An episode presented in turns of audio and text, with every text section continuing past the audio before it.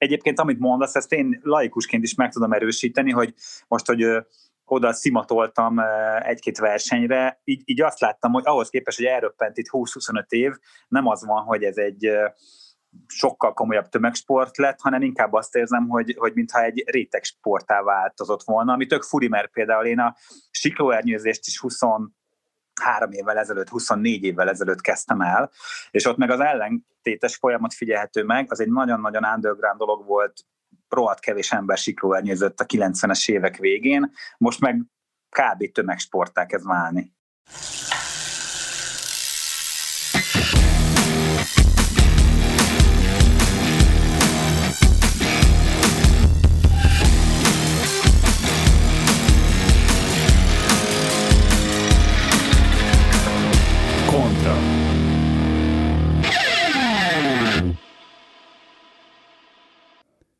Szervusztok, kedves hallgatóink, ez a Kontra, Grósz Béla. Bognár Tamás.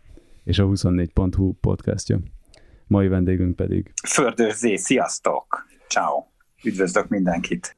Megint ez a sztori, hogy hogyan kerül ide valaki a gasztronómiából, a kerékpár közelébe, de valahogy majd az ilyen 50. perc környékén biztos majd összekötjük a szálakat, amit itt Zének a műsor előtt már elgagyogtam, hogy nekünk van egy nagyon hát már-már romantikus és emocionális kapcsolatunk, ugyanis amikor sokkolt Boglárka asszony azzal, hogy Junior G úton van, és megtudtuk ezt az örömteli hírt, akkor pont a Balatonon töltöttünk egy hosszú hétvégét, és a Szigligeti Taco Truck mellett ünnepeltük egy embertelenül csípős taco mellett azt, hogy akkor gyarapodik a család, kicsit ilyen starstruck, amikor találkozol valakivel, aki csak a tévéből látsz, akkor látok zéket, hogy ők akkor éppen nem sodortak, hanem... Azt hiszem, ott préselni kell, igen, mert hogy ez egy ilyen kézikészítésű takó, amit ott nyomnak ráadásul, hát többek között ettől is menő a hely.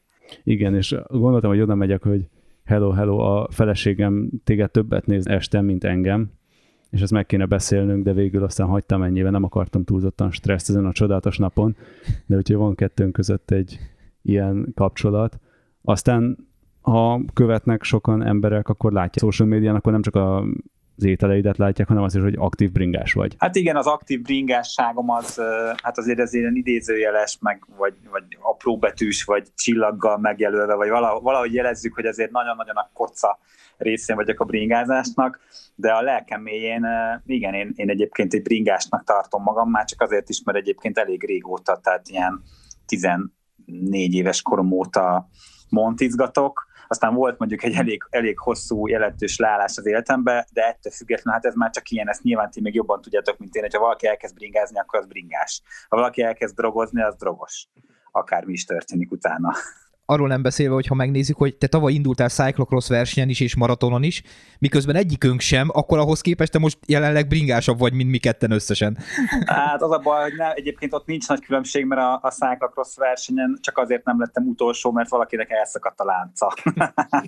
De ha valakinek elszakad a lánca, akkor azért a múltbeli verseny történelem, történelemben én szoktam lenni, és többnyire a rajtnál. Na hát itt, itt, itt volt egy ilyen szerencsés véletlen, hogy valaki, valakinek elszakadt a lánca, és akkor így megúsztam ezt a, ezt a nagyon kellemetlen utolsó helyet, de egyébként nyilván ez egy, egy poén és vicc, és már mint az, hogy én beneveztem oda, az is egy poén volt, és annak ellenére, vagy talán éppen azért, mert hogy ennyire a végén kullogtam be, élveztem egyébként rohadtul az egészet. Édesanyám engem úriembernek nevelt, ez többé-kevésbé, inkább kevésbé sikerült azért neki, és azt mondanám, hogy azért a tévéből is, meg az internetből is azért nagyon, nagyon erős intenzitással csöpögsz te, és találkozni veled. Tehát hol a konyhafőnökkel, hol a street kitchennel, mondom, nem csak a feleségem, de a kedves anyósom is gyakorlatilag azon lóg egyfolytában, és nézi, hogy hogyan tudja a hamburger bucit jobbra varázsolni. Hogyan jött emellé be a bringa egy, egyáltalán? Hát igen, tehát hogyha, ha, össze, ha azt akarjuk fel dolgozni, vagy ki, kifürkészni, hogy egy, hogy kapcsolódik a bringa ehhez a sztorihoz, nem igazán kapcsolódik hozzá, ahogy mondtam is itt az elején a felvezetőbe, én nekem még az egészen fiatalkori karrieremben jelent meg a bringázás, akkor egyébként még ilyen országos bajnokságokon nyomtam Montiba. Hát azért az, amikor én 14-5 éves voltam, az nem most volt, ez 90, hát várjátok, mikor volt? 95-6 környékén mm, nyomtam én ezeken a versenyeken és akkor tényleg az volt, hogy sokat jártam bringázni, még ezek a versenyek is befigyeltek, úgy tényleg egy életforma volt, ahogy mondjuk így bringázgatni érdemes, és aztán nagyon-nagyon sok minden történt az életemben, sportban is, meg, meg munkában, karrierben, tönkremenésben, stb. stb., ami miatt én eltávolodtam ettől a bringa témától, és valójában az, hogy ti mondjuk láttak engem itt ilyen cyclocross versenyen felbukkanni, ut- utolsóként befutni a, a célba, az meg egy ilyen teljes véletlennek köszönhető, és ez tulajdonképpen ez egy új, új jelenség, ez egy, ez egy tavaly, tavalyi jelenség, amit egyébként én a Kellisnek köszönhetek, majd erről biztos fogunk beszélgetni, és nem azért hozom őket szóba, mert hogy, hogy megígértem, hogy bemondom a nevüket, hanem mert ha ők most nem keresnek meg, akkor én, én most nem bringáznék valószínűleg. Viszont akkor azt is el lehet mondani, hogy te gyakorlatilag a hegyi kerékpározás hőskorában csatlakoztál bele ebbe, hiszen annak idején több száz fő indult egy, egy cross-country versenyen, ami, ami mára már sajnos nem mondható el, ezt már nagyon sok adásban említettük, hogy milyen rossz irányba tart most a, a hegyi kerékpáros élversenyzés, meg versenyzés, de akkor te még, te még nagyon sok emberrel együtt indultál el a rajtból. Igen, én, én mondjuk ott nagyon zöldfülűként, és na, akkor is hobbistaként, szóval én nekem soha nem volt szándékom egyébként, hogy én nekem a bringa az több legyen annál, mint hogy én egy jót szórakozom, úgyhogy maximálisan ilyen amatőr szinten, de tényleg ott voltam, és egyébként amit mondasz, ezt én laikusként is meg tudom erősíteni, hogy most, hogy oda szimatoltam egy-két versenyre, így, így azt láttam, hogy ahhoz képest, hogy elröppent itt 20-25 év, nem az van, hogy ez egy sokkal komolyabb tömegsport lett, hanem inkább azt érzem, hogy, hogy mintha egy réteg sportá változott volna, ami tök furi, mert például én a siklóernyőzést is 20 három évvel ezelőtt, 24 évvel ezelőtt kezdtem el, és ott meg az ellentétes folyamat figyelhető meg, az egy nagyon-nagyon underground dolog volt, rohadt kevés ember siklóernyőzött a 90-es évek végén, most meg kb. tömegsportá kezd válni.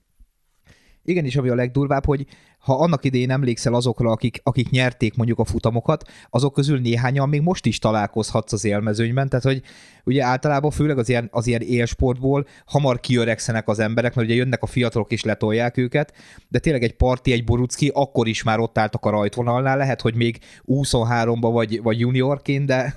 Érdekes nekem ez a tönkremenéstől a Street Kitchenig, meg a mostani, ez, ez milyen időszak volt, ez mennyire hogyha csak ezt röviden össze akarnád foglalni, betoptad ezt a dolgot, ami nem feltétlenül annyira publikus.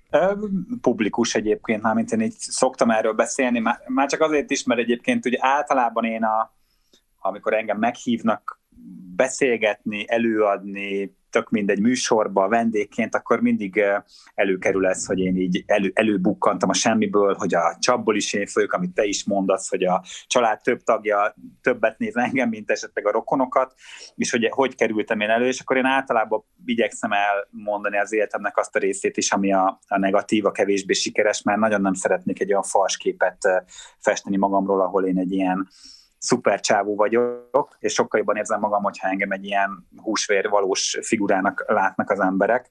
Úgyhogy ez valahol egy tudatos dolog is. Szóval én nekem a, a két 2008-as válság volt az, ami úgy eléggé betette a kulcsot, nem csak nekem, hanem az egész családi vállalkozásunknak, és akkor azért ott nekem kellett egy jó öt év, amíg összekapartam magam, és addig viszont eléggé, eléggé zord anyagi körülmények között éltem az életemet, szóval ott nem nagyon volt opció például, hogy én, hogy én bringázgassak, vagy hogy mondjuk vegyek magamnak egy montit. E, és akkor, akkor túlestem ezen a nehéz időszakon, jött a Street Kitchen, jött a, jött a TV, ami így eléggé gyorsan kihúzott a slamasztikából, és aztán tulajdonképpen egyébként azért is uh, tudunk most beszélgetni erről az egész bringás témáról, vagy azért tudjuk majd összekombinálni kicsit a bringázást a gasztronómiával, mert én nekem valójában most jött el a, a, az ideje annak, hogy én újra kezdek újra kezdem a bringázást. Tehát az életem most, most arra ért be oda, hogy, hogy, hogy ott legyek, ahol voltam egyébként mondjuk a 94-ben, hogy én így rendszeresen eljáratok bringázni. Egyébként, amikor készültünk az interjúra, nekem így az első kérdés, ami így, ami így szöget ütött a fejembe, hogy tehát ugye túrázás, bringázás közben az ember megáll mindig valahol kajálni. És ez egy kvázi egy gasztrobloggernek, egy profi szakásnak, ez, ez mennyire megpróbáltatás, mert nyilván, tehát mi már ettünk sokfajta hamburgert, meg sokfajta giroszt, el vagyunk bármin, de hát neked azért teljesen máshol van a, az ízlésvilágod, meg az inger küszöböd ebbe a témába. Hát e, ezzel ellen tiltakoznom kell maximálisan.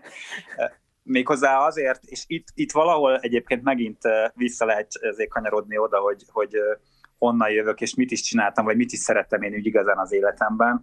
És én, én, én nekem az ilyen jellegű ízlésvilágom, tehát ez a mit teszem bringázás, vagy túrázás, vagy repülés után, az nagyon hasonlít szerintem a tiétekre, mert, mert én egyébként világéletemben egyszerűen álltam ez a témához, és hát ugyanúgy a közérbe bemegyek, és a kifli, két, két kifli, meg egy tömlős sajt, az nekem maximálisan kielégítő egy bringázás során. Még az is lehet, hogy, hogy ti vagytok hozzám képest a, a, az igényesebbek ilyen, ilyen gasztronómiai szempontból, mert nekem nincsenek ilyen elvárásaim.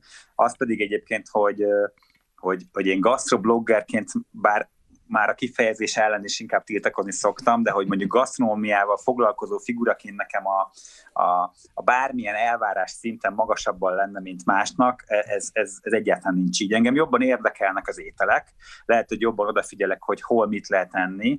Nagyon megörülök nekem, amikor egy ilyen takótrákot meglátok mondjuk egy, egy bringa út szélén, és látom, hogy most már ilyen, ilyen dolgokat is lehet találni, de mondom, tehát én a, én a, a bolti, bolti disznósajtal, vízes zsömlével teljesen el vagyok. Sőt, szeretem. Tomi, igazából arról még sose beszéltünk, hogy te mit szeretsz enni. Azt, azt tudjuk, hogy engem én annó egyébként szakásnak készültem, amíg édesanyám egyszer el nem küldött dobogókőre a BM szállóba, hogy akkor most fiam töltsét két hetet a konyhán, és megtapasztalt, hogy mennyire szívás. Aztán első napra ott vártak kettő darab 200 literes kondérral, hogy ezt egy késsel hámozzam meg ezt a krumplit megalapozva ezzel, hogy milyen jó élményeim szülessenek a gasztronómiáról. De hogy... Ott DH-ztál először? Nem, ott figyelj, megvan neked a ollókező Edvard? Aha. Na, nekem olyan állapodó voltak a kezeim, mert ripityára volt vagdosva minden. Úgyhogy ott ez volt az egyik élmény, meg amikor valakivel beszélgettem, és azt mondta, hogy figyelj, tudod milyen magasan van a főzőlap? Igen. Na, 15 év alatt kemény tojás, haver. És akkor hát ez elég sakmat, akkor lehet, inkább közgazdaságtan maradjunk ennyiben. Azóta se tudja senki megmondani, hogy mit csinálok igazából. Tehát amikor megkérdezték most Boglárka asszonyt, hogy figyelj már a Béla, mivel fog? Á, tudod, ez is az is. Ilyen táblázatokat néz egész nap. Aztán tologatja őket. De hogy megint eltérek az egész sztoriból, hogy, de hogy ha most azt kéne mondani, hogy oké, okay, tehát nincs magasan az elvárásod, de mi az a top három étel, amit mondjuk te szeretsz? Tehát amit mondjuk be tudsz tolni? Azt Tomi, te, te sem úszod meg.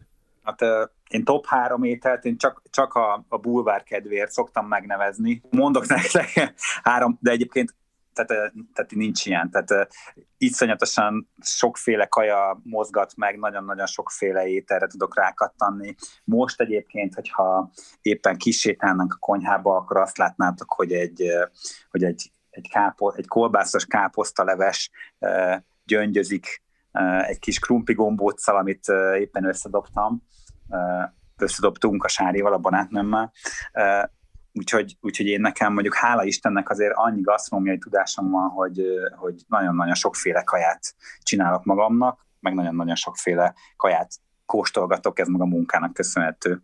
És akkor most nekem kellene szint vallani? Ami, igen, mert én attól tartok, hogy te egyébként a kifli és a tömlős sajtonalon te megálltál. Tudod, mi a durva? Hogy azt sose szerettem. Tehát, hogy tehát most valószínűleg én, én, én azt gondoltam, hogy én vagyok a primitív borsodi, de pont nem, tehát ebben a, ebben a tekintetben pont nem. Tehát én úgy vagyok vele, hogy egyrészt bringázás közben nem feltétlenül szeretek megállni, kajálni, tehát inkább viszek magammal valami műzli szeretet ilyeneket, és, és letudom az adott távot, de hogyha nagyon túrázós a történet, akkor meg inkább ez a beülős ember vagyok, tehát hogy, hogy akkor, akkor legalább az ebéd valami, valami jó helyen legyen, mert, mert akkor az úgy a túrának megadja a hangulatát, és, és én vagyok a leghisztisebb akkor, ha mondjuk, ha mondjuk szaralángos, vagy rossz a girosz, vagy, vagy nem olyan a kiszolgálás, vagy egyebek, tehát hogy úgy vagyok vele, hogy ha, ha mondjuk egy nap van egy főétkezés bringázás közben, akkor annak így adjuk meg a módját. Úgyhogy most szerintem egy világ dőlt össze benned.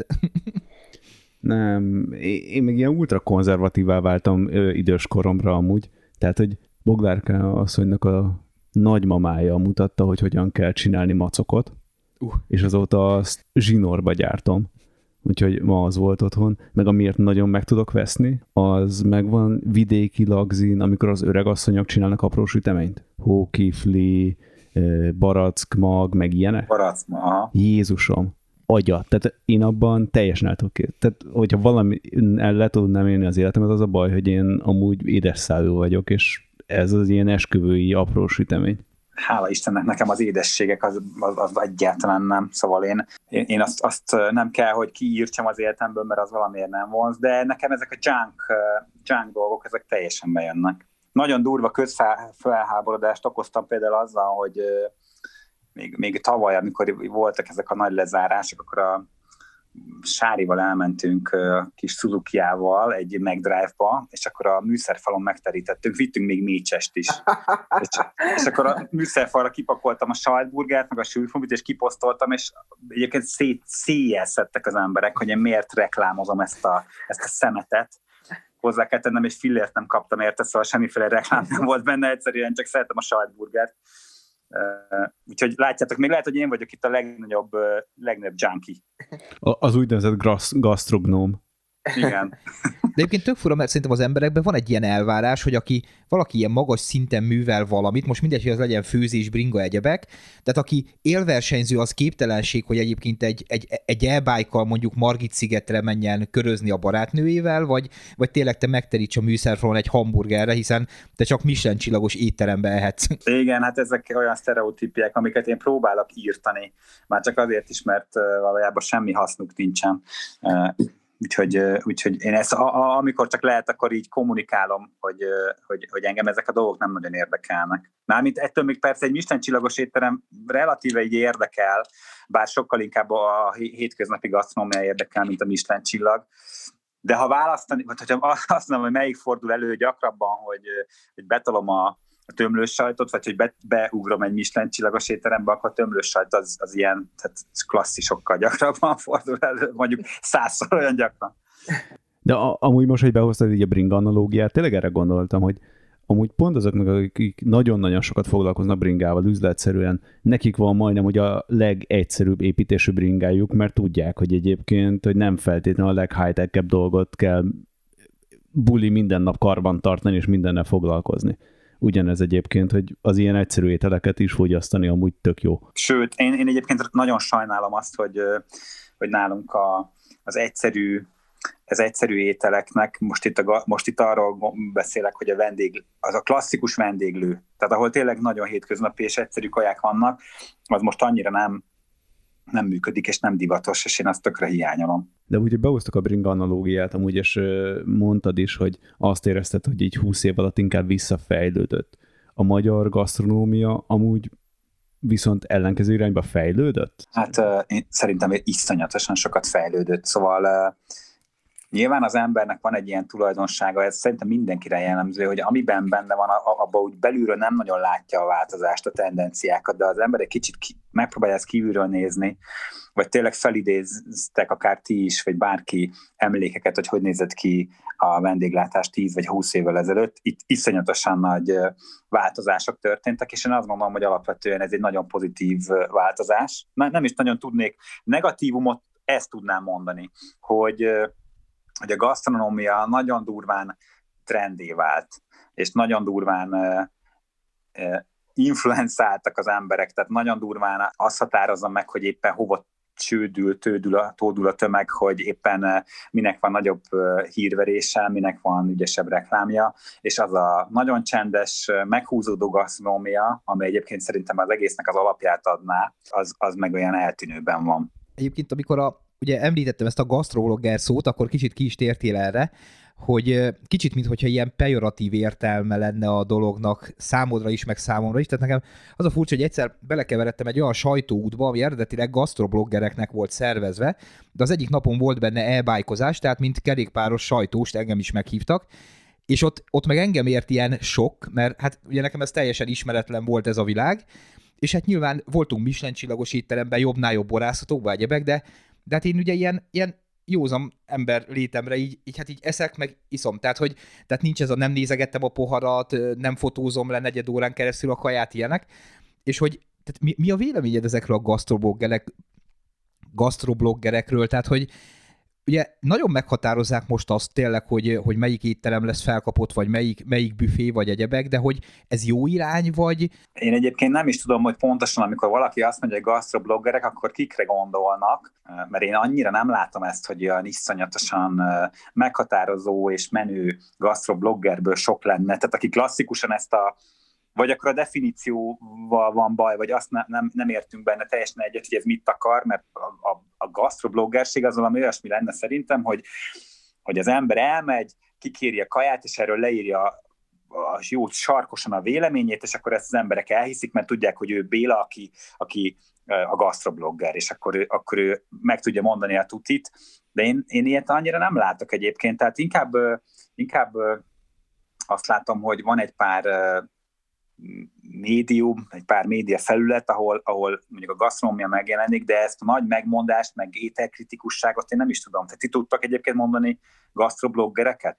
Hát most lehet, hogy akkor, akkor maga a fogalom nálam sem tiszta, de például a, a pozitív meglepetésből innen is üdvözlöm Mirelt, ő, ő, ő például ott volt ezen a sajtóúton, és én őt követem, mint, hát kvázi nem tudom, hogy most hivatalosan ő is gasztroblogger, de ugye nagyon sok helyen kóstol, főz is egyebek, tehát hogy hogy számomra ő az emészthető szintje ennek, tehát amit még én így átlagemberként is így be tudok fogadni. De, de tény, hogy sokkal többet nem tudnék mondani. Igen, egyébként őt mondjuk talán, igen, így, hogy mondod, hogy eszembe jut, és tényleg, de, de, de szerintem egyszerűen ez már nem, nem, is, nem is annyira divat a gastrobloggerség. Szóval én szerintem ez, ez, ez, ez egy tíz évvel ezelőtti sztori. Ezt akartam mondani, hogy én szerintem 10-15 évvel ezelőtt a Dining Guide-on próbáltam meg magamat képezni, akkor még voltak ugye rendes étterem kritikák, jó, meg a burger blog volt, de azt most így étterem, étterem kritikának azért erős lenne belerakni egy kalap a Dining Guide-dal. Szerintem egy jó példa, Jan Csajani csinálta, vagy csinálja ezt oldalt, és az, az mondjuk ez a kategória. Milyenek voltak egyébként, meg hát volt a, emlékeztek még a Malacka rajra? ami még a igen, igen. indexen indult, aztán átment az origóra, aztán úgy úgy eltűnt, vagy meg nem tudom, mi marginalizálódott, inkább úgy mondom, a Péter Anna. Az egy klasszikus gastroblog volt, tehát ott napi szinten fölmentél, és akkor valami okos, okosítás ment ott arról, hogy hogy kell hurkát tölteni, milyen a jó T-bone steak, miért szar az a hely, ami ott nyílt a sarkon, stb. stb. Szerintem ez most már annyira nem, nincs is. Én egyébként nem ezt csinálom, tehát hogy, hogy én így valamire rám ragadt ez a gastroblogger kifejezés, annak ellenére, hogy szerintem blogposztomat, hát hogyha most titeket így kikötöznélek, és egy ilyen, egy ilyen uh, gyufával mesélj, mesélj, nem hangzik rosszul eddig. Nem, nem tudnátok mondani szerintem nekem a gastroblogger bejegyzésemet, mert hogy nincsenek is ilyenek. Hogy akkor mi vagyok én, azt is meg föl lehet tenni ezt a kérdést, persze. Igen, de például a, a Balatonos sorozat, én, én, én ott kvázi, most így hülye hangzik, hogy ott ismertelek meg, tehát hogy, hogy nekem például az tök jó volt, mert mi sokat járunk le a Balatonra, mert imádjuk, főleg az északi partot, de ugye a Balatonon bele lehet futni a csiliárd forintba kerülő, nagyon fancy étterembe, ami igazából nem a világunk, meg bele lehet futni a nagyon-nagyon gagyi kajába is, és ugye ott találtam rá arra, hogy igazából hova érdemes elmenni, ahol egyszerű, de jó kaják vannak, és például szerintem erre baromira szükség van, mert, mert most egy átlagember honnan a fenéből szúrja ki, hogy te csak Balatonfüredet, vagy Tihanyt, vagy bármit beütöd a Google-be, és 50 éttermet fog kiadni, vagy kajállát. Igen. Egyébként ez a Felzabáltuk nevű sorozat, amit csinálunk, és ez tök sikeres, ez mondjuk tényleg hasonlít egy kicsit erre a gastrobloggerkedésre, vagy gastro videó, vagy gastrovloggerkedéshez igazából akkor mhm. már.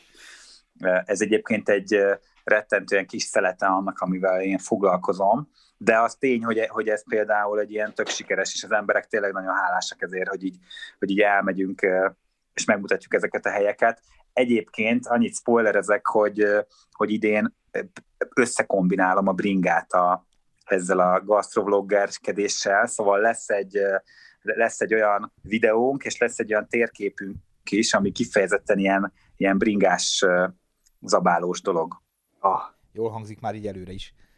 Igen, és ígérem, hogy most már lassan térünk, áttérünk ugye a kerékpáros témákra, amik szerintem téged jobban motiválnak, nekünk ez a jutalomfalat, de, de így lekerekítve így a gasztro témákat, és ugye feldobtad, hogy nagyon így elitizálódott igazából a gasztronómiai felfogás, de hogy ha belenézek, elmegyek vásárolni, és látom, hogy mi van az embereknek a bevásárlókosorába, és azt, hogy mondjuk mennyit fogyasztanak például téged tévében, akkor inkább azt kezdem gondolni, hogy az emberek jobban szeretnek amúgy a főzés médiában befogadni, mint sem inkább saját maguk főzni.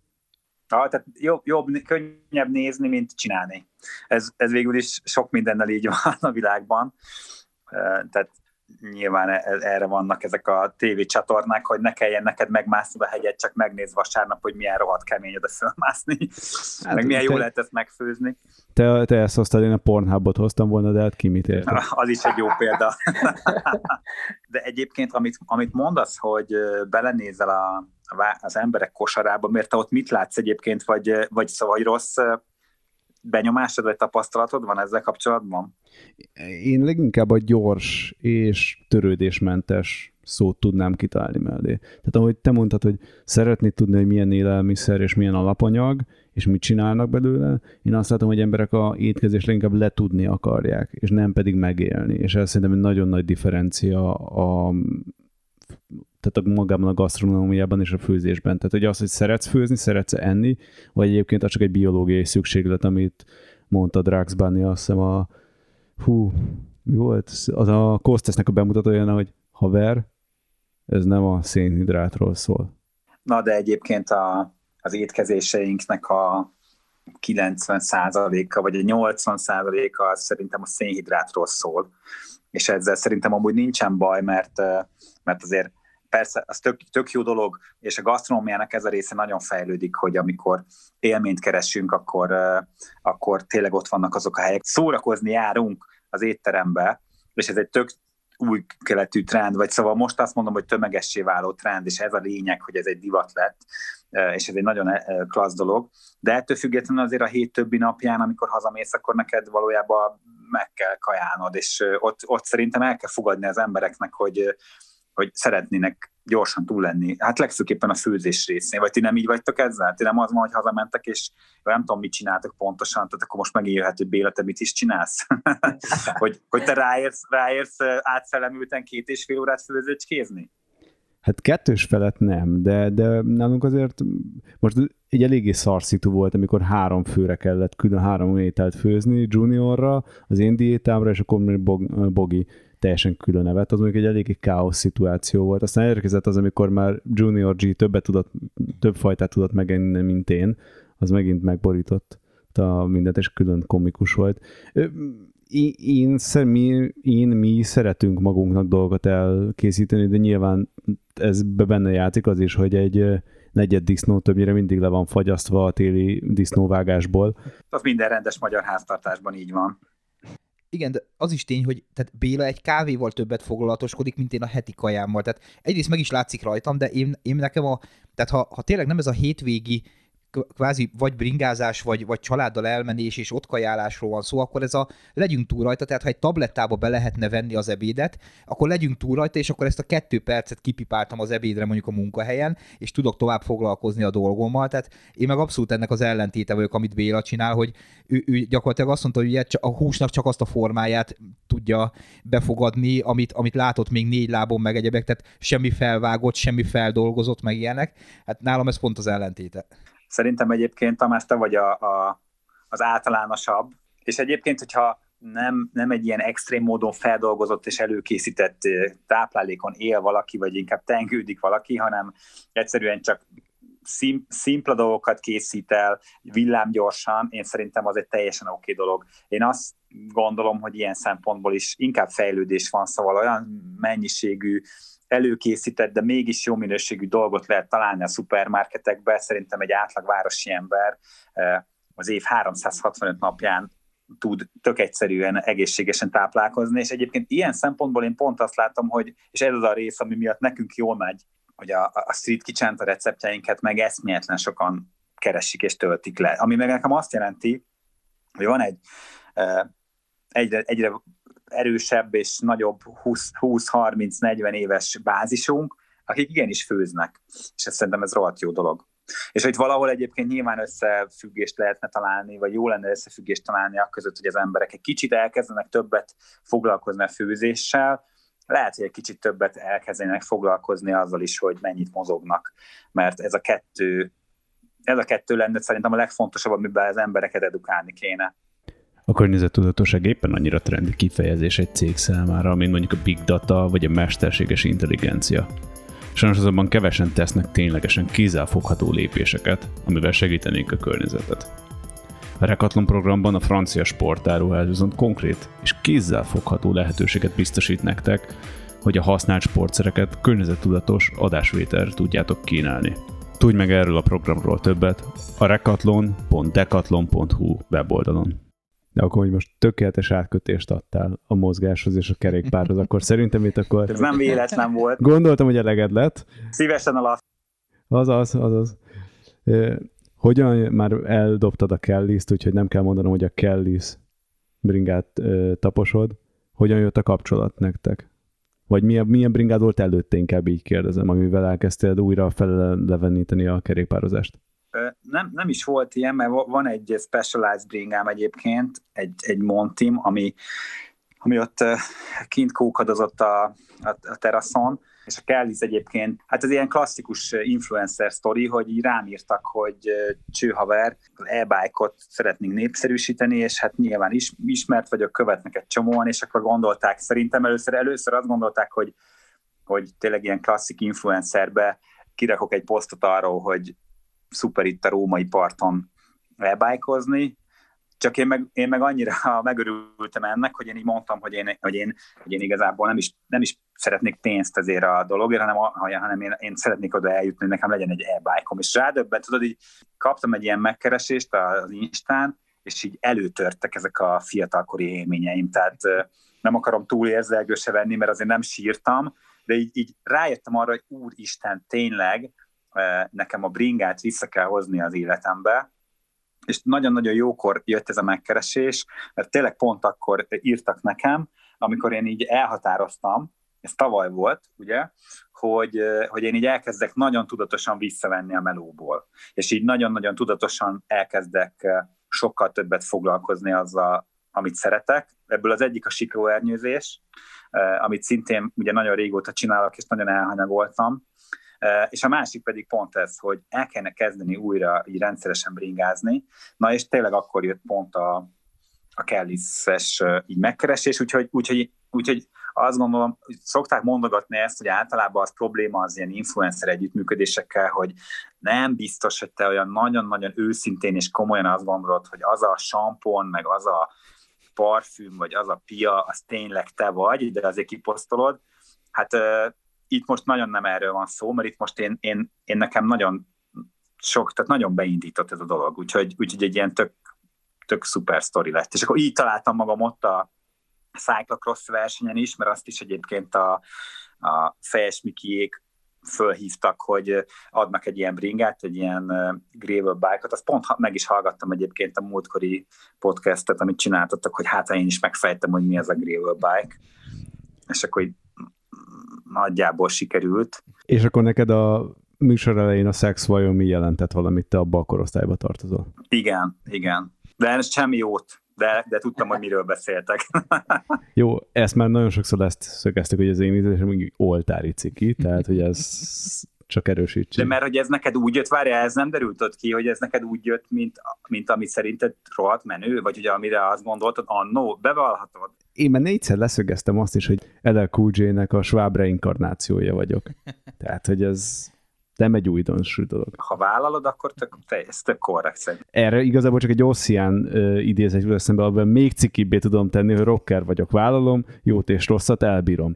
De Inkább Tomi, te vedd át a következő kérdés, mert kezdem tényleg leírni magamat a jövőbe. Igen, egy, egy kicsit vissza is kanyarodva erre a posztolásra, mikor én meghallottam ugye így szakmai berkeken belül, hogy, hogy te meg a Kellis így össze, összefogtok, Nekem ugye ugyanaz jött le, ugye voltak már ilyen próbálkozások kvázi idézőjelbe celebekkel, hogy amit te is mondtál, hogy kilakok évi három posztot, hogy ilyen nagyon biciklizek, meg nagyon margiciget, vagy mit tudom én, és akkor ezzel ki van pipálva a szerződés, és akkor így jó van. De hogy nekem az, az jött le tényleg a posztokból, hogy, hogy te, te szeretsz ezzel bringázni, meg, meg tényleg nem is napi szintű, de heti egy bringás posztod majdnem hogy van. Tehát, hogy, hogy látszott az, hogy ez nem egy ilyen, nem egy ilyen kényszer kipipálása, hanem, hanem tényleg az életformád része, ami, ami, ami tényleg ilyen, ilyen összefonódásoknál azért ritkán szokott így, így összejönni.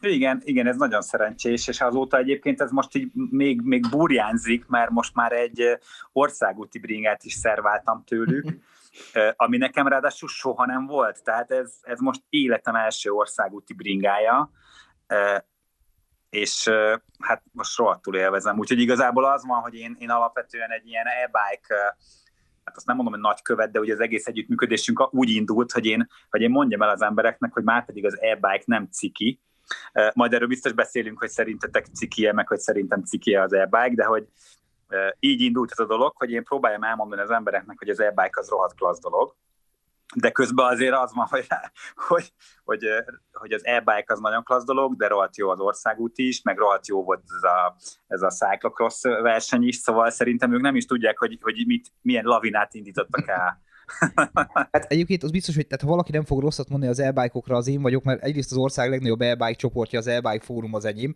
úgyhogy szeretettel meghívlak oda, ha esetleg gondolod. Csak jó fej e vannak, és mindenféle diszkriminációt írtunk, ami az e kapcsolatos, mert sajnos a normál bringás fórumokon azért még, még van mit tenni az e ügyében. Az nagyon durván, azt én is érzékelem, mert én akárhányszor kirakok egy egy posztot az e akkor, akkor rögtön, hát nyilván akkor te ezt már sokkal jobban tudod, hogy pontosan, hogy mik azok a klasszikus igen, igen. témák, amiben, amiben támadhatónak vélik egyébként az e ami egyébként könnyen cáfolható, csak a fenének van kedve állandóan ezt mindig elmagyarázni.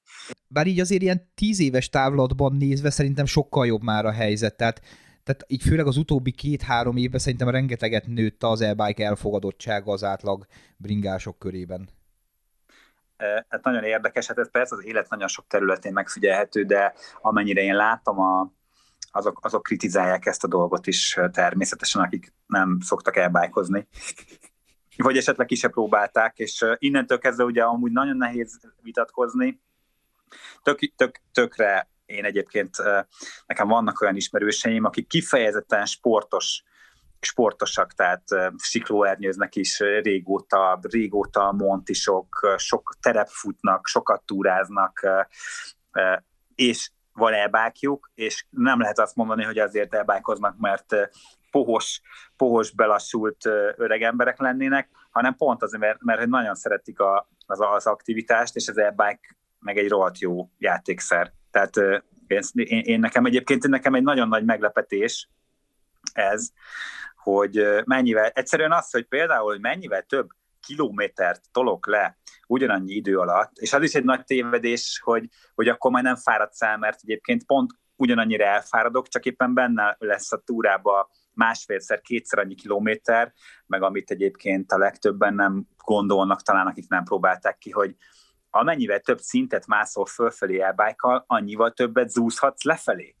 Tehát, hogy ott igazából a lejtőzésbe kapsz még egy óriási bónusz, szerintem.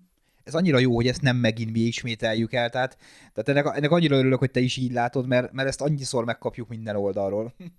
Mármint, hogy nem te ismétled el, mert nekem a airbag mindig babettázás. De te ilyen elitista, ex-országút is mond is vagy.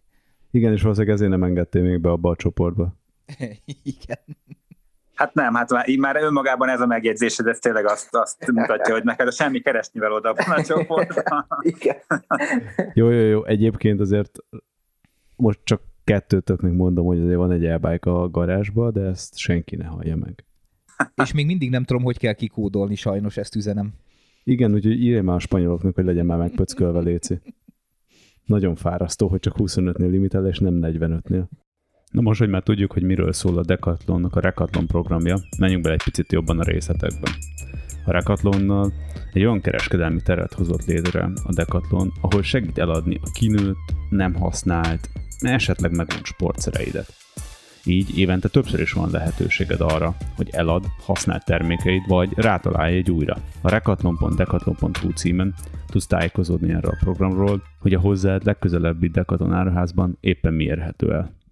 És hogy jött akkor az országúti egyébként, hogy ennyire bejött az e-bike? Az pedig úgy jött, hogy hogy nekem van egy-két címborám, akik, akik egyébként szintén ilyen siklóernyős haverok, akik, akik nyomják az országútit, de mindig úgy voltam vele, hogy én mont is vagyok, most azért nem fogok, nem fogok venni egy, egy országútit, hogy ezzel a két hülye haverommal most ott nyomuljak, de most annyira belelkesültem, hogy, hogy így gondoltam egyet, és, és, és akkor rendeltem magamnak egy ilyen bringát, és azóta most már kétszer is voltam velük bringázni, és, és iszonyatosan jó. Ráadásul egyébként én rájöttem arra, hogy én tizen, tehát akkor, amikor én montiztam, amit meséltem nektek 94-ben, én amúgy országútiztam is, csak Montival, mert én az, az unokatesommal, az Attilával bringáztam, nagyon-nagyon sokat vele jártam együtt versenyekre, és akkor nem volt nekünk pénzünk arra, hogy legyen egy országúti bringánk is, hanem fogtuk magunkat, és a Montival tekertünk le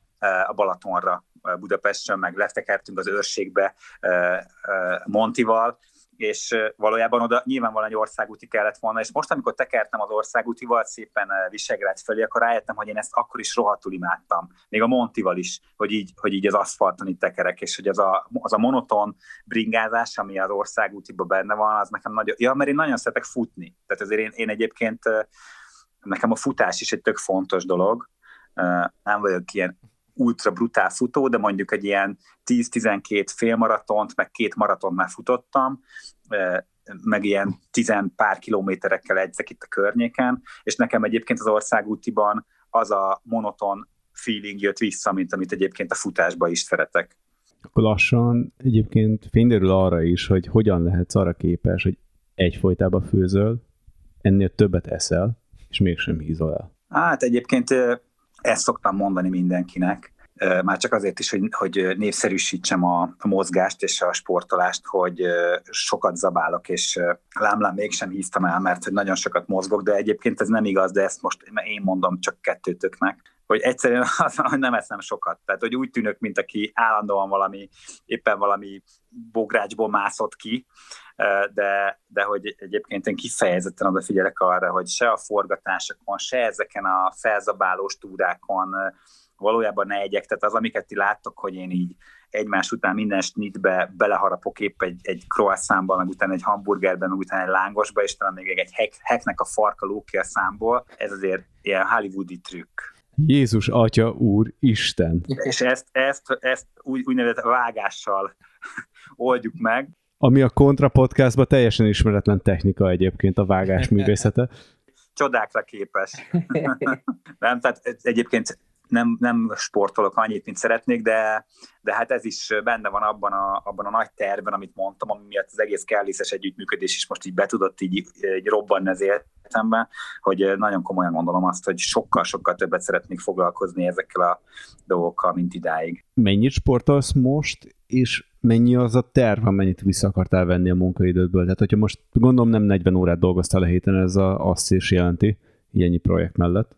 Hát nem, tehát nekem, nekem, nekem ez egy ilyen hosszú folyamat volt, a Street Kitchen elindítása az úgy nézett nálunk ki, hogy olyan két, két és fél évig heti hét napba dolgoztunk napi tíz órát, tehát keményen nyomtuk, és akkor szépen elkezdtünk visszavenni ebből, a vasárnapokat hoztuk be először, mint szabadnap, aztán a szombatot, és akkor én most már tavaly óta azt mondom, hogy már péntekenként sem dolgozom, és, és még ebből próbálok lefaragni, szóval próbálom inkább a, a, a, a jó, jó szervezéssel összesűríteni, összepréselni a teendőimet, és akkor a felmar, felmaradó három-négy szabad napot azt, azt szeretném ezekre a sportokra használni. Nem egyébként még mindig nem olyan sok, mert ha az ember viszont szeretne siklóernyőzni, szeretne kicsit országútízni, hétvégén elmegy elbájkozni a barátnőivel, akkor kiderül, hogy, hogy még ez is kevés.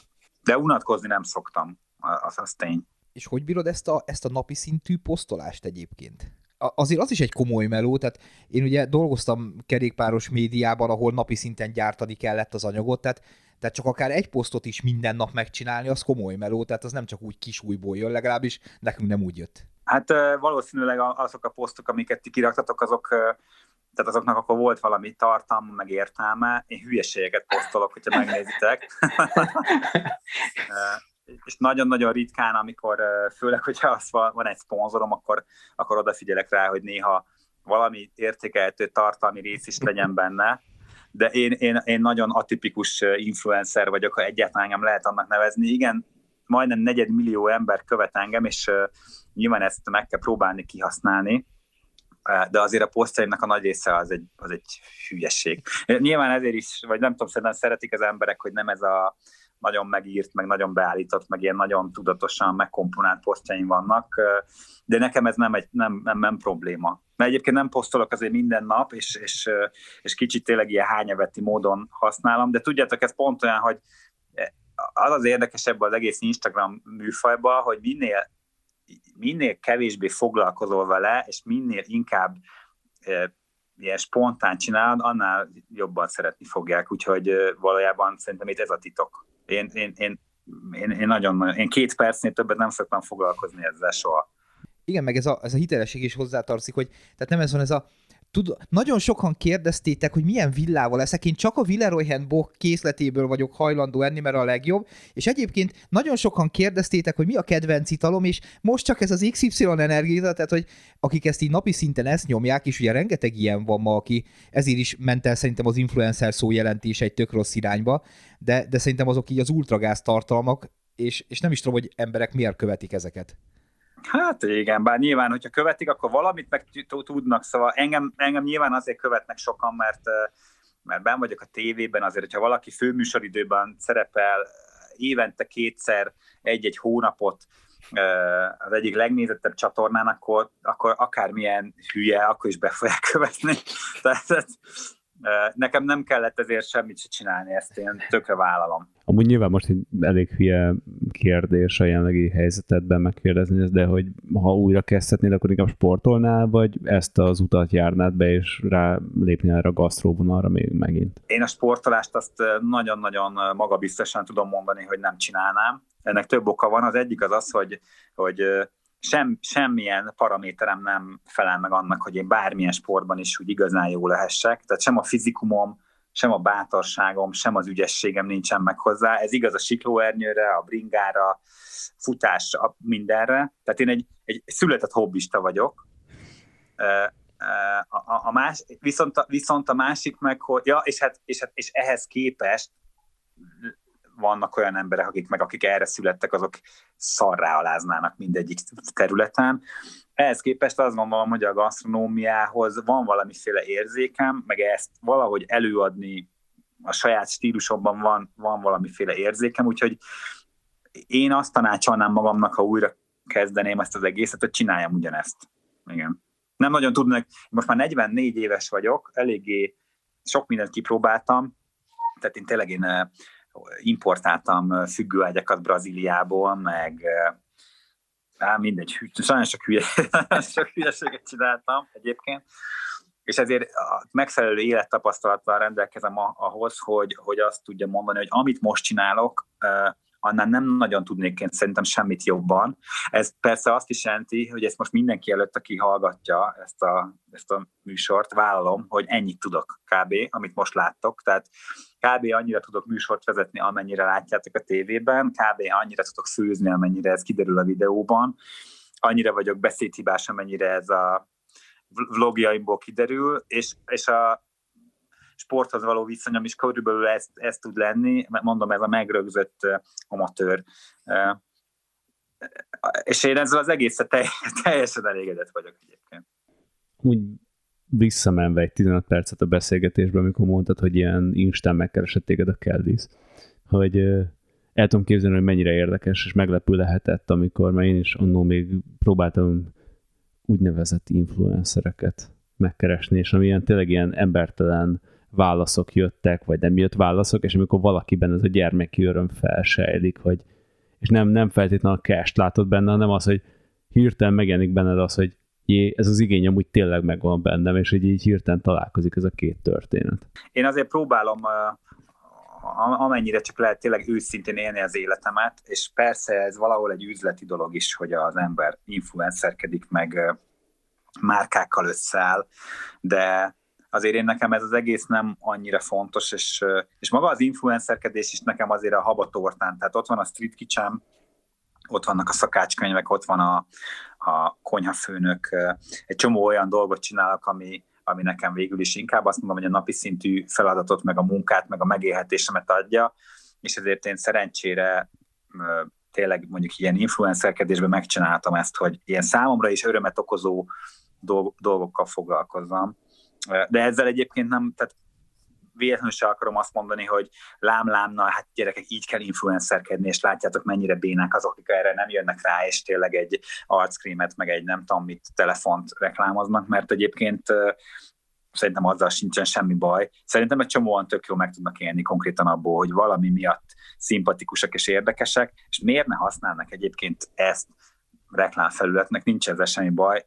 Én, én nekem ez nem, nem annyira fontos azért tudom átélni, átérezni ezt a lelkesedést egyébként, amiről beszéltél még. Utóbbi időnek egyik legkellemesebb élménye az volt, amikor befutottam egy sportkártya boltba, és nem tudom, hogy ezzel mennyire vagy kébe, és felhozta azt a gyerekkori élményeket, amiket az ilyen kosárlabda kártyákkal éltem meg az édesapámmal, és azóta teljesen lázoljuk, és nekem is egy ilyen, azóta egy adogatok, veszegetek, egy ilyen mellékes ember becsirog valamennyi pénzt, de hogy ez a tök jó hobbi, és hogy te mondtad, ilyen tök tét nélkül, de hogy annyira élvezem, és annyira visszahozza azt a feelinget. Hát igen, tehát, de egyébként ez, ez van, nem? Mindenben ez van, valószínűleg egyébként a, a bringázásban is ez van, hogy, hogy megfelelően tét nélkülinek, vagy kis, kis, nem is teljesen tétnél, kis tétűnek kell lennie a dolgoknak ahhoz, hogy olyan igazán lazán flowból tud csinálni, mert egy idő után, aminek már nagyon komoly tétje van, meg nagyon-nagyon a professzionális, és nagyon-nagyon ebből kell mondjuk megélned, akkor ott már, ott már az kevésbé, kevésbé lesz talán laza. Szóval ez, ez, ez, ez ilyen.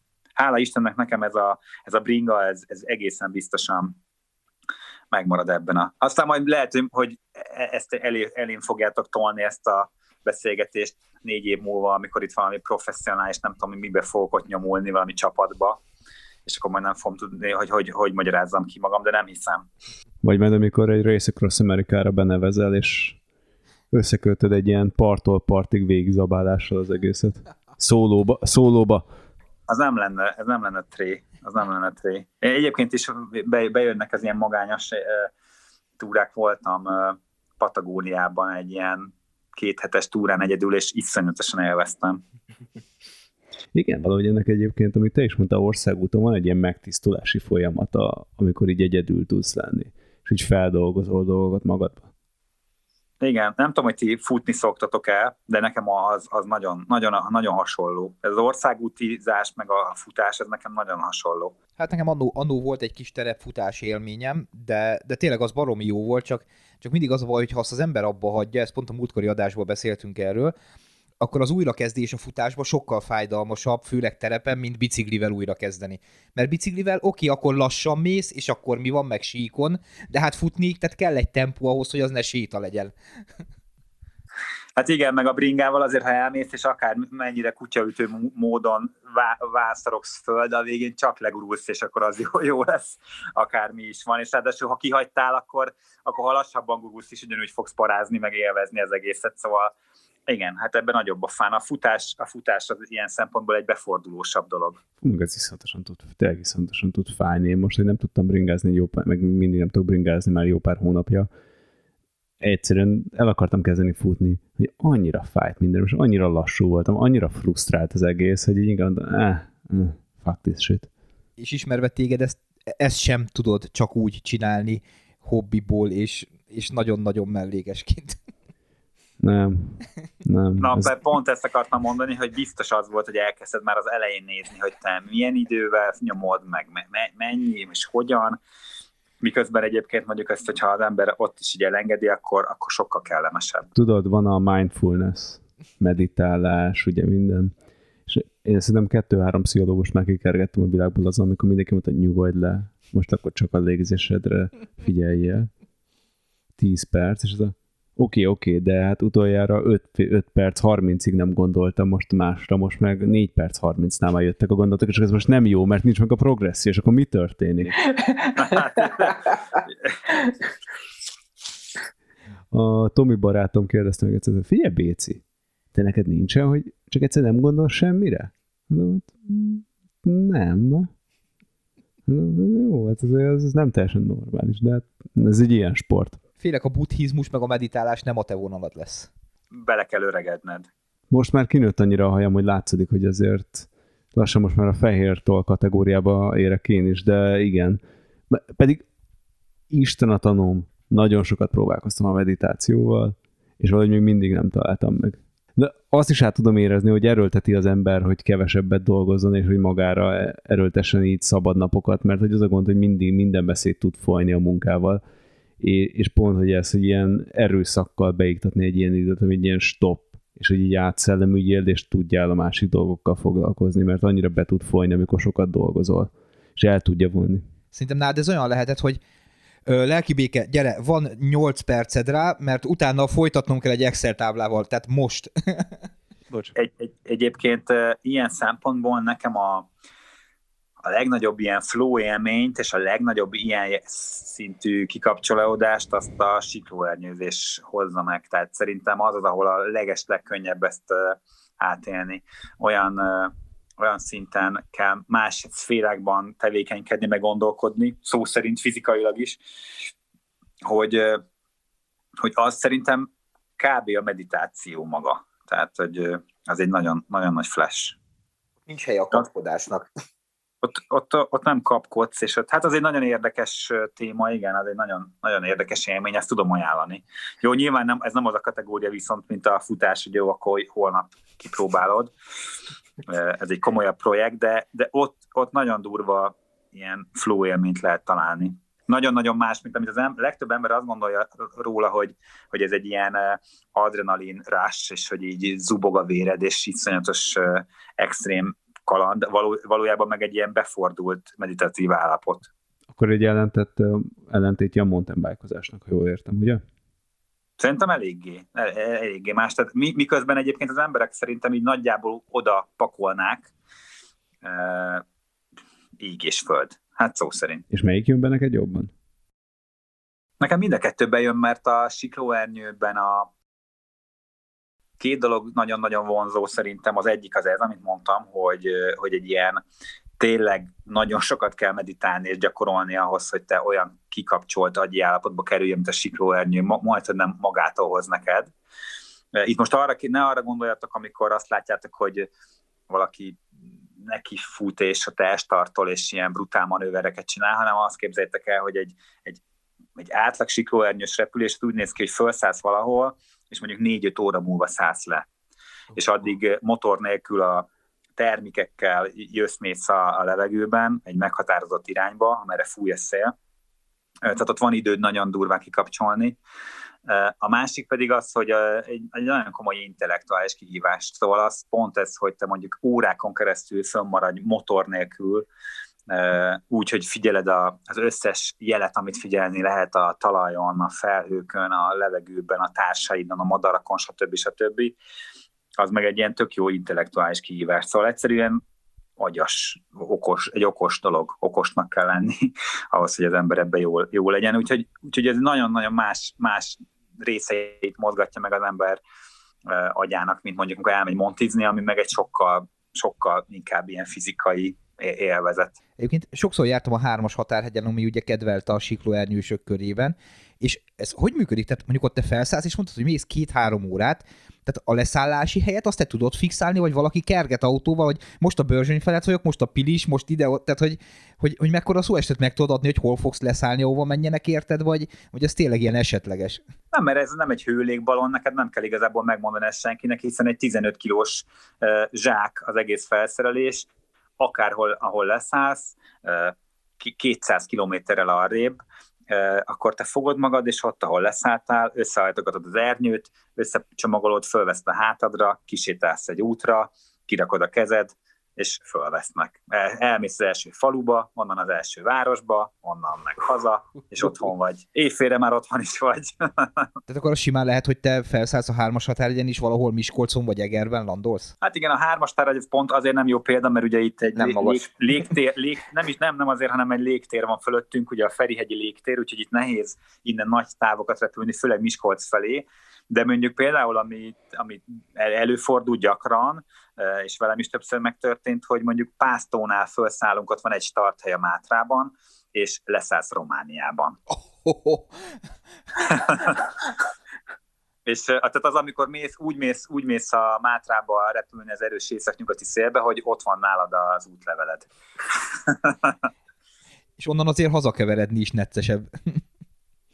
Igen, bár képzeltek el a legutóbbi hazajövésünk Romániából, az úgy történt, hogy az egyik haverom, akivel ott leszálltunk, annak vannak arra fele rokonai, és egy ismerőst küldtek, aki taxis Aradon, és mivel éppen szabad volt a taxia, ezért hazahozott minket Budapestre, de rendesen egy taxival.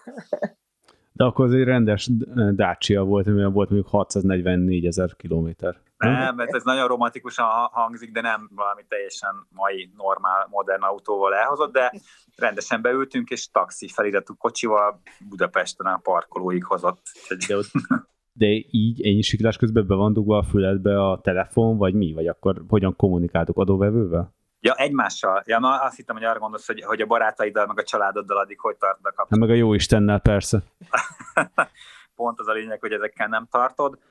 A, a, a, a, igen, egymással rádión, rádión kommunikálunk, úgyhogy amennyit kell, nem kell túl sokat beszélgetni, de valamennyit, amennyit kell, azt ott meg, megdumáljuk rádión, igen. Így a vége felé kanyarodva, és bringás élmény, most nem elmentünk itt a siklózást, de hogy mi volt a legjobb élményed bringán? Ami így most így megmaradt? Hát ugye most a, a, a mostani, tehát az, az újkori bringás élményeim, azok, azok ugye itt az, az e nekem nagyon-nagyon nagy élmény volt az, hogy, hogy én fogtam magam, és akkor itt Nagykovácsiból indulva fölteke, át, átmentem szépen a hegyen le, Pilis Csabára, föl a Pilis tetőre, Dobogókőre, vissza, kevényereg, és akkor úgy haza, tehát olyan, olyan bringa, túra, ami nekem, aki úgy, hogy ráadásul nagyon sokáig nem bringáztam, brutál nagy flash volt. Most nyilván lehet, hogy ezt egy, egy tehát egy, egy normális kondiba lévő és rendszeresen bringázó erre megint azt tudja mondani, hogy miért ezt sima Montival is le lehet tolni, de nekem, nekem mondjuk ezek pont olyan élmények, amik így, így egy meló, melós nap után egy ilyen kört menni, az rohadt, rohadt nagy dolog, szóval imádom. De amúgy a, most pont hétvégén meg a, itt a ürömről föltekertem a Visegrádi vár és vissza. Megint azt mondom, nyilván aki sokat bringázik, hát most nem egy nagy dolog 80-90 kilométert tekerni, de én most, hogy így megkaptam az országúti bringát, és mentem egy ilyen kört, én most még így, így, így örülök, mint majom a farkának ezeknek. Egyébként nagyon sokan szeretnek dobálózni a montisok közül ilyen kilométerekkel, de értékelhető tempóban azért 80-90 kilométert hegyen csak a, a rendszeresen edző, majd, majd, hogy nem élversenyzők tudnak menni. Ja, ja, ja, persze, persze. Tehát azért, azért, azért ott az már kemény. Úgyhogy, de, de egyéb, ja, de hogyha még élmények, tehát ez a cyclocross, azért azt el kell mondanom, mert most viccelődtem azzal, hogy utolsó előtti lettem, és az is csak a láncszakadás miatt, de, de hogy azért az, az a korrekt, ha azt is elmondom, hogy iszonyatosan jó volt. Szóval én, én nem is gondoltam volna. Tényleg azért mentem el, mert hogy itt a, mond, mondták a, a kelly hogy vagy fejes Mikiék mondták, hogy adnak egy ilyen gépet, próbáljam ki, beneveznek, hogy, hogy nyilván ők örültek neki, hogy akkor ott engem oda ki lehet, ki lehet ott rángatni, de, de hogy közben meg, meg az volt, hogy megint egy ilyen win-win szituáció, mert én meg így annyira örültem ennek az egésznek, és annyira élveztem. Én ezt nem gondoltam volna, hogy ez ennyire kemény egyébként. Tehát, hogy itt, tudjátok, én azt így, így körbe mentem, vagy így megnéztem ezt az egész pályát, hogy jó, hát azért most egy ilyen parkot, kőbányán voltunk, és, és, és ilyen laikusként így mondtam, hogy jó, hát most persze, hát itt megyek egy pár kört itt ebbe a parkba, hát azért szoktam bringázni. Én azt hittem, hogy kiszakad a, kiszakad a, a tüdőm a, a szívemmel, szívemmel együtt, ott így az első kör után nagyon, nagyon kemény, de ez is olyan, amit így mindenki, aki még nem próbálta ki, nagyon-nagyon ajánlom, mert fantasztikus, tényleg rohadt jó élmény. És az is látszik, hogy azért utazni is régé szeretsz. Tehát azt sem veted meg, hogy elhagyd a kis hazánkat bringás utazásból valami, amit szívesen megejtenél, valamilyen célpont ugye a jövőben, amikor már újra szabad lesz?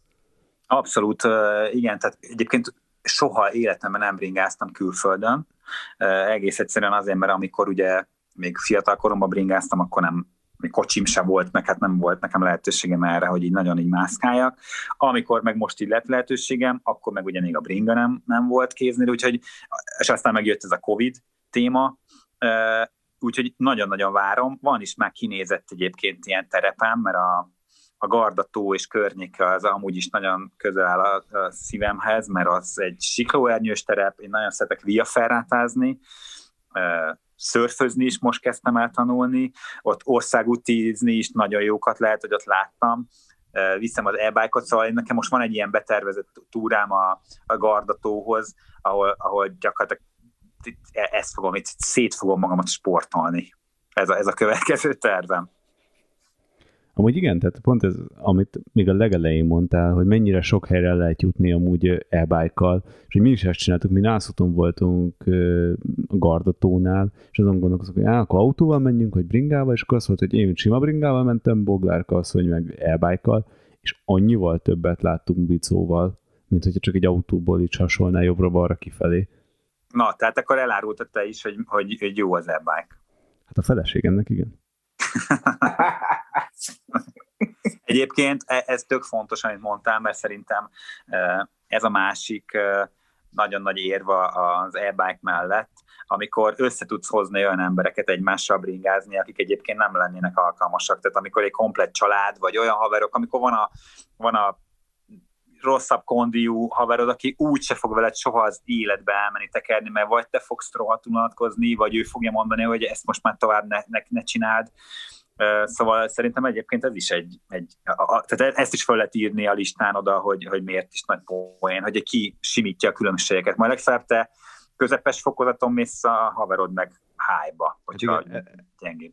Ez két dolgot adnék még hozzá. Egy, hogy te nem éreztem versenyen annyira meggyötöröm magamat, mint amikor Boglár Kasszon felnyomtad max rásegítésre a motort, és hegyen 34-el ilyen 6-8 százalékba kezdtem el kiszakadni, és életem árán sprinteltem mögötte. Ő meg azon gondolkozott, hogy most húzzál meg a cipőjén a racsnit, vagy nem. Hát igen. A, a másik meg ugye, hogy coming out voltam, hogy van egyébként e és pont azért vettük, hogy a gyerekülést felrakjuk rá, és akkor viszont tényleg tudunk egy tempóval haladni.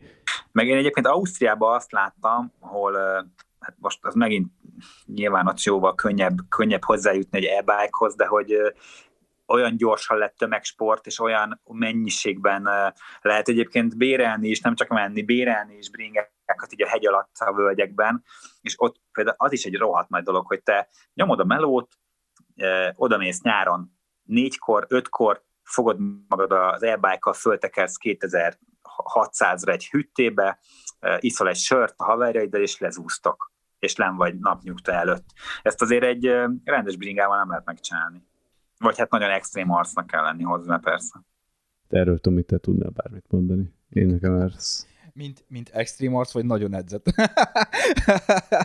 mint, mint e tapasztalt. Nem, de tényleg, tehát, tehát azért teljesen más az e tehát hogy ha, ha valakinek nincs csak egy vagy másfél órája arra, hogy bringázzon egyet, azzal akkor is egy, tehát most ha megnézzük, most valaki még a pomázon lakik is, tehát másfél óra alatt, aki nem edzett, az nem jut föl szinte dobogókőre, az e meg lehet, hogy mész két kört is. Tehát, hogy tehát sokkal több élmény fél bele ugyanabba az időbe, és, és ugyanúgy ki leszel fulladva, mint, mint az, aki normál bringával, meg csak te mentél kétszer annyi kilométert. Igen. Én ezt teljesen adom. Teljesen adom. De egyébként én például tavaly beneveztem a, itt a Cross Kovácsi Monti, Monti versenyre, és ott, ott volt egyébként e-bike futam is, de azért ott úgy voltam vele, hogy, hogy, hogy ha már viszont, tehát ha, ha, ha, ha abba versenyzünk, hogy melyikünk a gyorsabb, akkor viszont ne számítson azt, hogy most melyikünknek milyen teljesítményű motorja van, úgyhogy akkor ott, ott, ott, ott mentem rendes analóg bringával, és természetesen az is nagy élmény volt. Úgyhogy valójában mindegyik, mindegyikben meg lehet találni a poént, én legalábbis azt, azt látom. Igen, mi is csak ezt akarjuk, hogy minél többen üljenek bringára. Ez a lényeg valójában. Tehát, hogy... Hát igen, meg próbálgatni kell, mert szerintem tényleg olyan sokfajta bringa van, főleg most már, én, én komolyan, én, én ezt az egész gravel bike témából kimaradtam, tehát hogy így aki mondjuk így egy pár éve nem foglalkozik a bringákkal, az meglepődik, hogy milyen új kategóriák születtek, ami nyilván pont azért is van, mert hogy a gyártók megpróbálják kiszolgálni ezeket a trendeket, meg igényeket, hogy most már a mindenféle stílusodhoz, meg, meg útburkolathoz, meg tempóhoz kitalálnak egy új bringát, ami végül is a fogyasztók szempontjából meg rohadt jó, mert van lehetőséged egy iszonyatosan nagy palettáról válogatni. E, és mindegyik izgalmas. Hát nyilván, nyilván az egy nagyon menő dolog, de azért az egy elég költséges, hogyha az ember be tud állítani a, a garázsába öt különböző bringát, és akkor így, így, így váltogatni. Mert valójában a analóg monti is egy hatalmas élmény, a cyclocross is egy rohadt jó dolog, országútizni is nagyon király, azért nem baj, ha van egy e és néha tényleg mész egy rohadt nagy kört, és csapatod lefelé, hát ja, szóval ez, ez mind nagyon-nagyon izgi. De bocs, és nevet sértésnek, hogyha téged ilyen hát tényleg lelkes amatőrnek titulálnak, de pont az a célcsoport, hogy szerintem erre egy tök adekvát választ fog tudni adni. Te meg tudod különböztetni így a nagy főcsoportokon kívül a bringákat, hogy mi mire, mire való? Tehát oké, okay, van ez a, tudod, mint a zenébe a jazz, rock, klasszikus zene és punk, ne bocs, techno, négyes, amiben így meg tudod különböztetni, és oké, okay, van országúti, van Monti, de hogy ezen túl te például érzed, hogy mondjuk egy All Mountain Bringa meg egy trail között mi a diffi? Ez így neked valamit jelentene? Hát, egyébként így nézegettem, mert most egy kicsit ugye jobban elkezdett foglalkoztatni, szóval látom, hogy, hogy is bele tudod magad élni elég könnyen, hogy egy kicsit is érdekel, hogy akkor most mit tudom én, tehát hogy az ülés pozíciód, meg a rugózás, hogy akkor most elől, hátul, teló. Szerintem azért megkülönböztethető, vagy szóval egy kicsi érdek, ha, ha, ha van benned egy kis érdeklődés, akkor így összerakható, meg szétszedhető. Meg hát a másik, hogy, hogy olyan végtelen mennyiségű infóhoz lehet hozzájutni a neten erről, ugyanúgy, mint ahogy én csinálom a hülye felzabálós videóimat, meg a főzős videóimat, más hülyék meg azt tesztelgetik, hogy akkor most ez a tárcsafék, meg az a nem tudom mi, hogy működik, és hogyha egy kicsit is érdekel, akkor valójában a világ összes infóját meg lehet erről szerezni. Ha vannak, akik erről podcastot csinálnak, hallottál már ilyen? Azt nem is akartam mondani, tehát az meg a... a... Aberráció. Aberráció. Tehát ez a maguk fajta és a magam fajta. 2003 óta azon hülyék távolába tartozok, aki kíváncsi rá, hogy az egyik tárcsafék mibe különbözik a másiktól, és egyéb ilyenek. Kori adásotokban hallgattam, akkor már nagyon-nagyon nehéz volt visszarángatni magatokat a normál témához, mert majd, majd nem elkezdhetek csak erről beszélni. De ügyesen, ügyesen végül lejöttetek róla. Nagyon-nagyon szépen köszönjük, hogy vendégünk voltál, és össze tudtuk hozni a beszélgetést. Annak meg még inkább, hogy igazából majdnem, hogy ez a kontra is azért született, hogy olyan emberek bringáruljenek, akiknek vagy régen volt egy emlékük, vagy bringa szüzek, és hogy egyre többen ülünk két keréken. Úgyhogy még egyszer köszönjük, hogy itt voltál. Na hát én is nagyon köszönöm, hogy hívtatok, és pont ezért, amit mondtam is, hogy ilyen nagyon lelkes amatőrként vágok itt újra bele ebbe a dologba, ha lesznek új élmények, és mondjuk ti is azt látjátok Instára, úgyis ki fogom pakolni, hogy hol jártam, szeretnék indulni egy-két versenyen, országútin is, montin is, e is nyomulni, ezt a Gardatavi túrát is megcsinálni, szóval ha úgy látjátok majd így a közösségi médiában, hogy összegyűlt egy, egy beszélgetésre való adag, akkor nagyon szívesen jövök újra, mert tök jó volt veletek dumálni. Úgyhogy köszönöm a meghívást. Mi köszönjük, és szerintem szabadon fogunk ezzel, sőt, még az is lehet, hogy valamelyik elbájkos Montis maratonon találkozunk. Na, legyen így, remélem. Jó van. Köszönöm szépen, srácok, tök jó volt. Valamit, valamit lehet, hogy elcseszünk, Tomi, mert hogy olyan vendégváró falatokat szórunk a kedves vendégeknek, hogy vissza akarnak jönni. Van egy listánk már, akik kétszer akarnak jelentkezni, nem is értem, mi történhet. Ne, egyszer a szomszéd asszony állt a Vörösvári hentes előtt, és mondja, hogy Csabikám, na jó vendégváró karajt csinálja, de az Idus néni milyen legyen az? Vékony, nehogy visszajöjjenek. És akkor zárhatjuk a mai estét egy újabb szar Bélás poénnal. Na de várj, de gasztronómiai témájú, szóval az Ez igaz. Ez igaz. nem, ez nem gasztronómiai témájú, ez a vörösari hentes, az ahogy, ahogy Boglárka azt mondja, metzgerej. Úgyhogy még egyszer nagyon szépen köszönöm, hogy itt voltál, visszavárunk, és nektek meg nagyon szépen köszönjük, hogy meghallgattátok itt a én gagyogásomat, a srácoknak meg a rendes beszélgetését. Jövő héten találkozunk, addig ne felejtsétek el ratingelni a podcastot és megosztani, hogyha tetszett, vagy Patreonon támogassatok minket, addig meg tisztozzatok egy jót, és jövő héten találkozunk. Sziasztok! Sziasztok! Sziasztok! Kontra!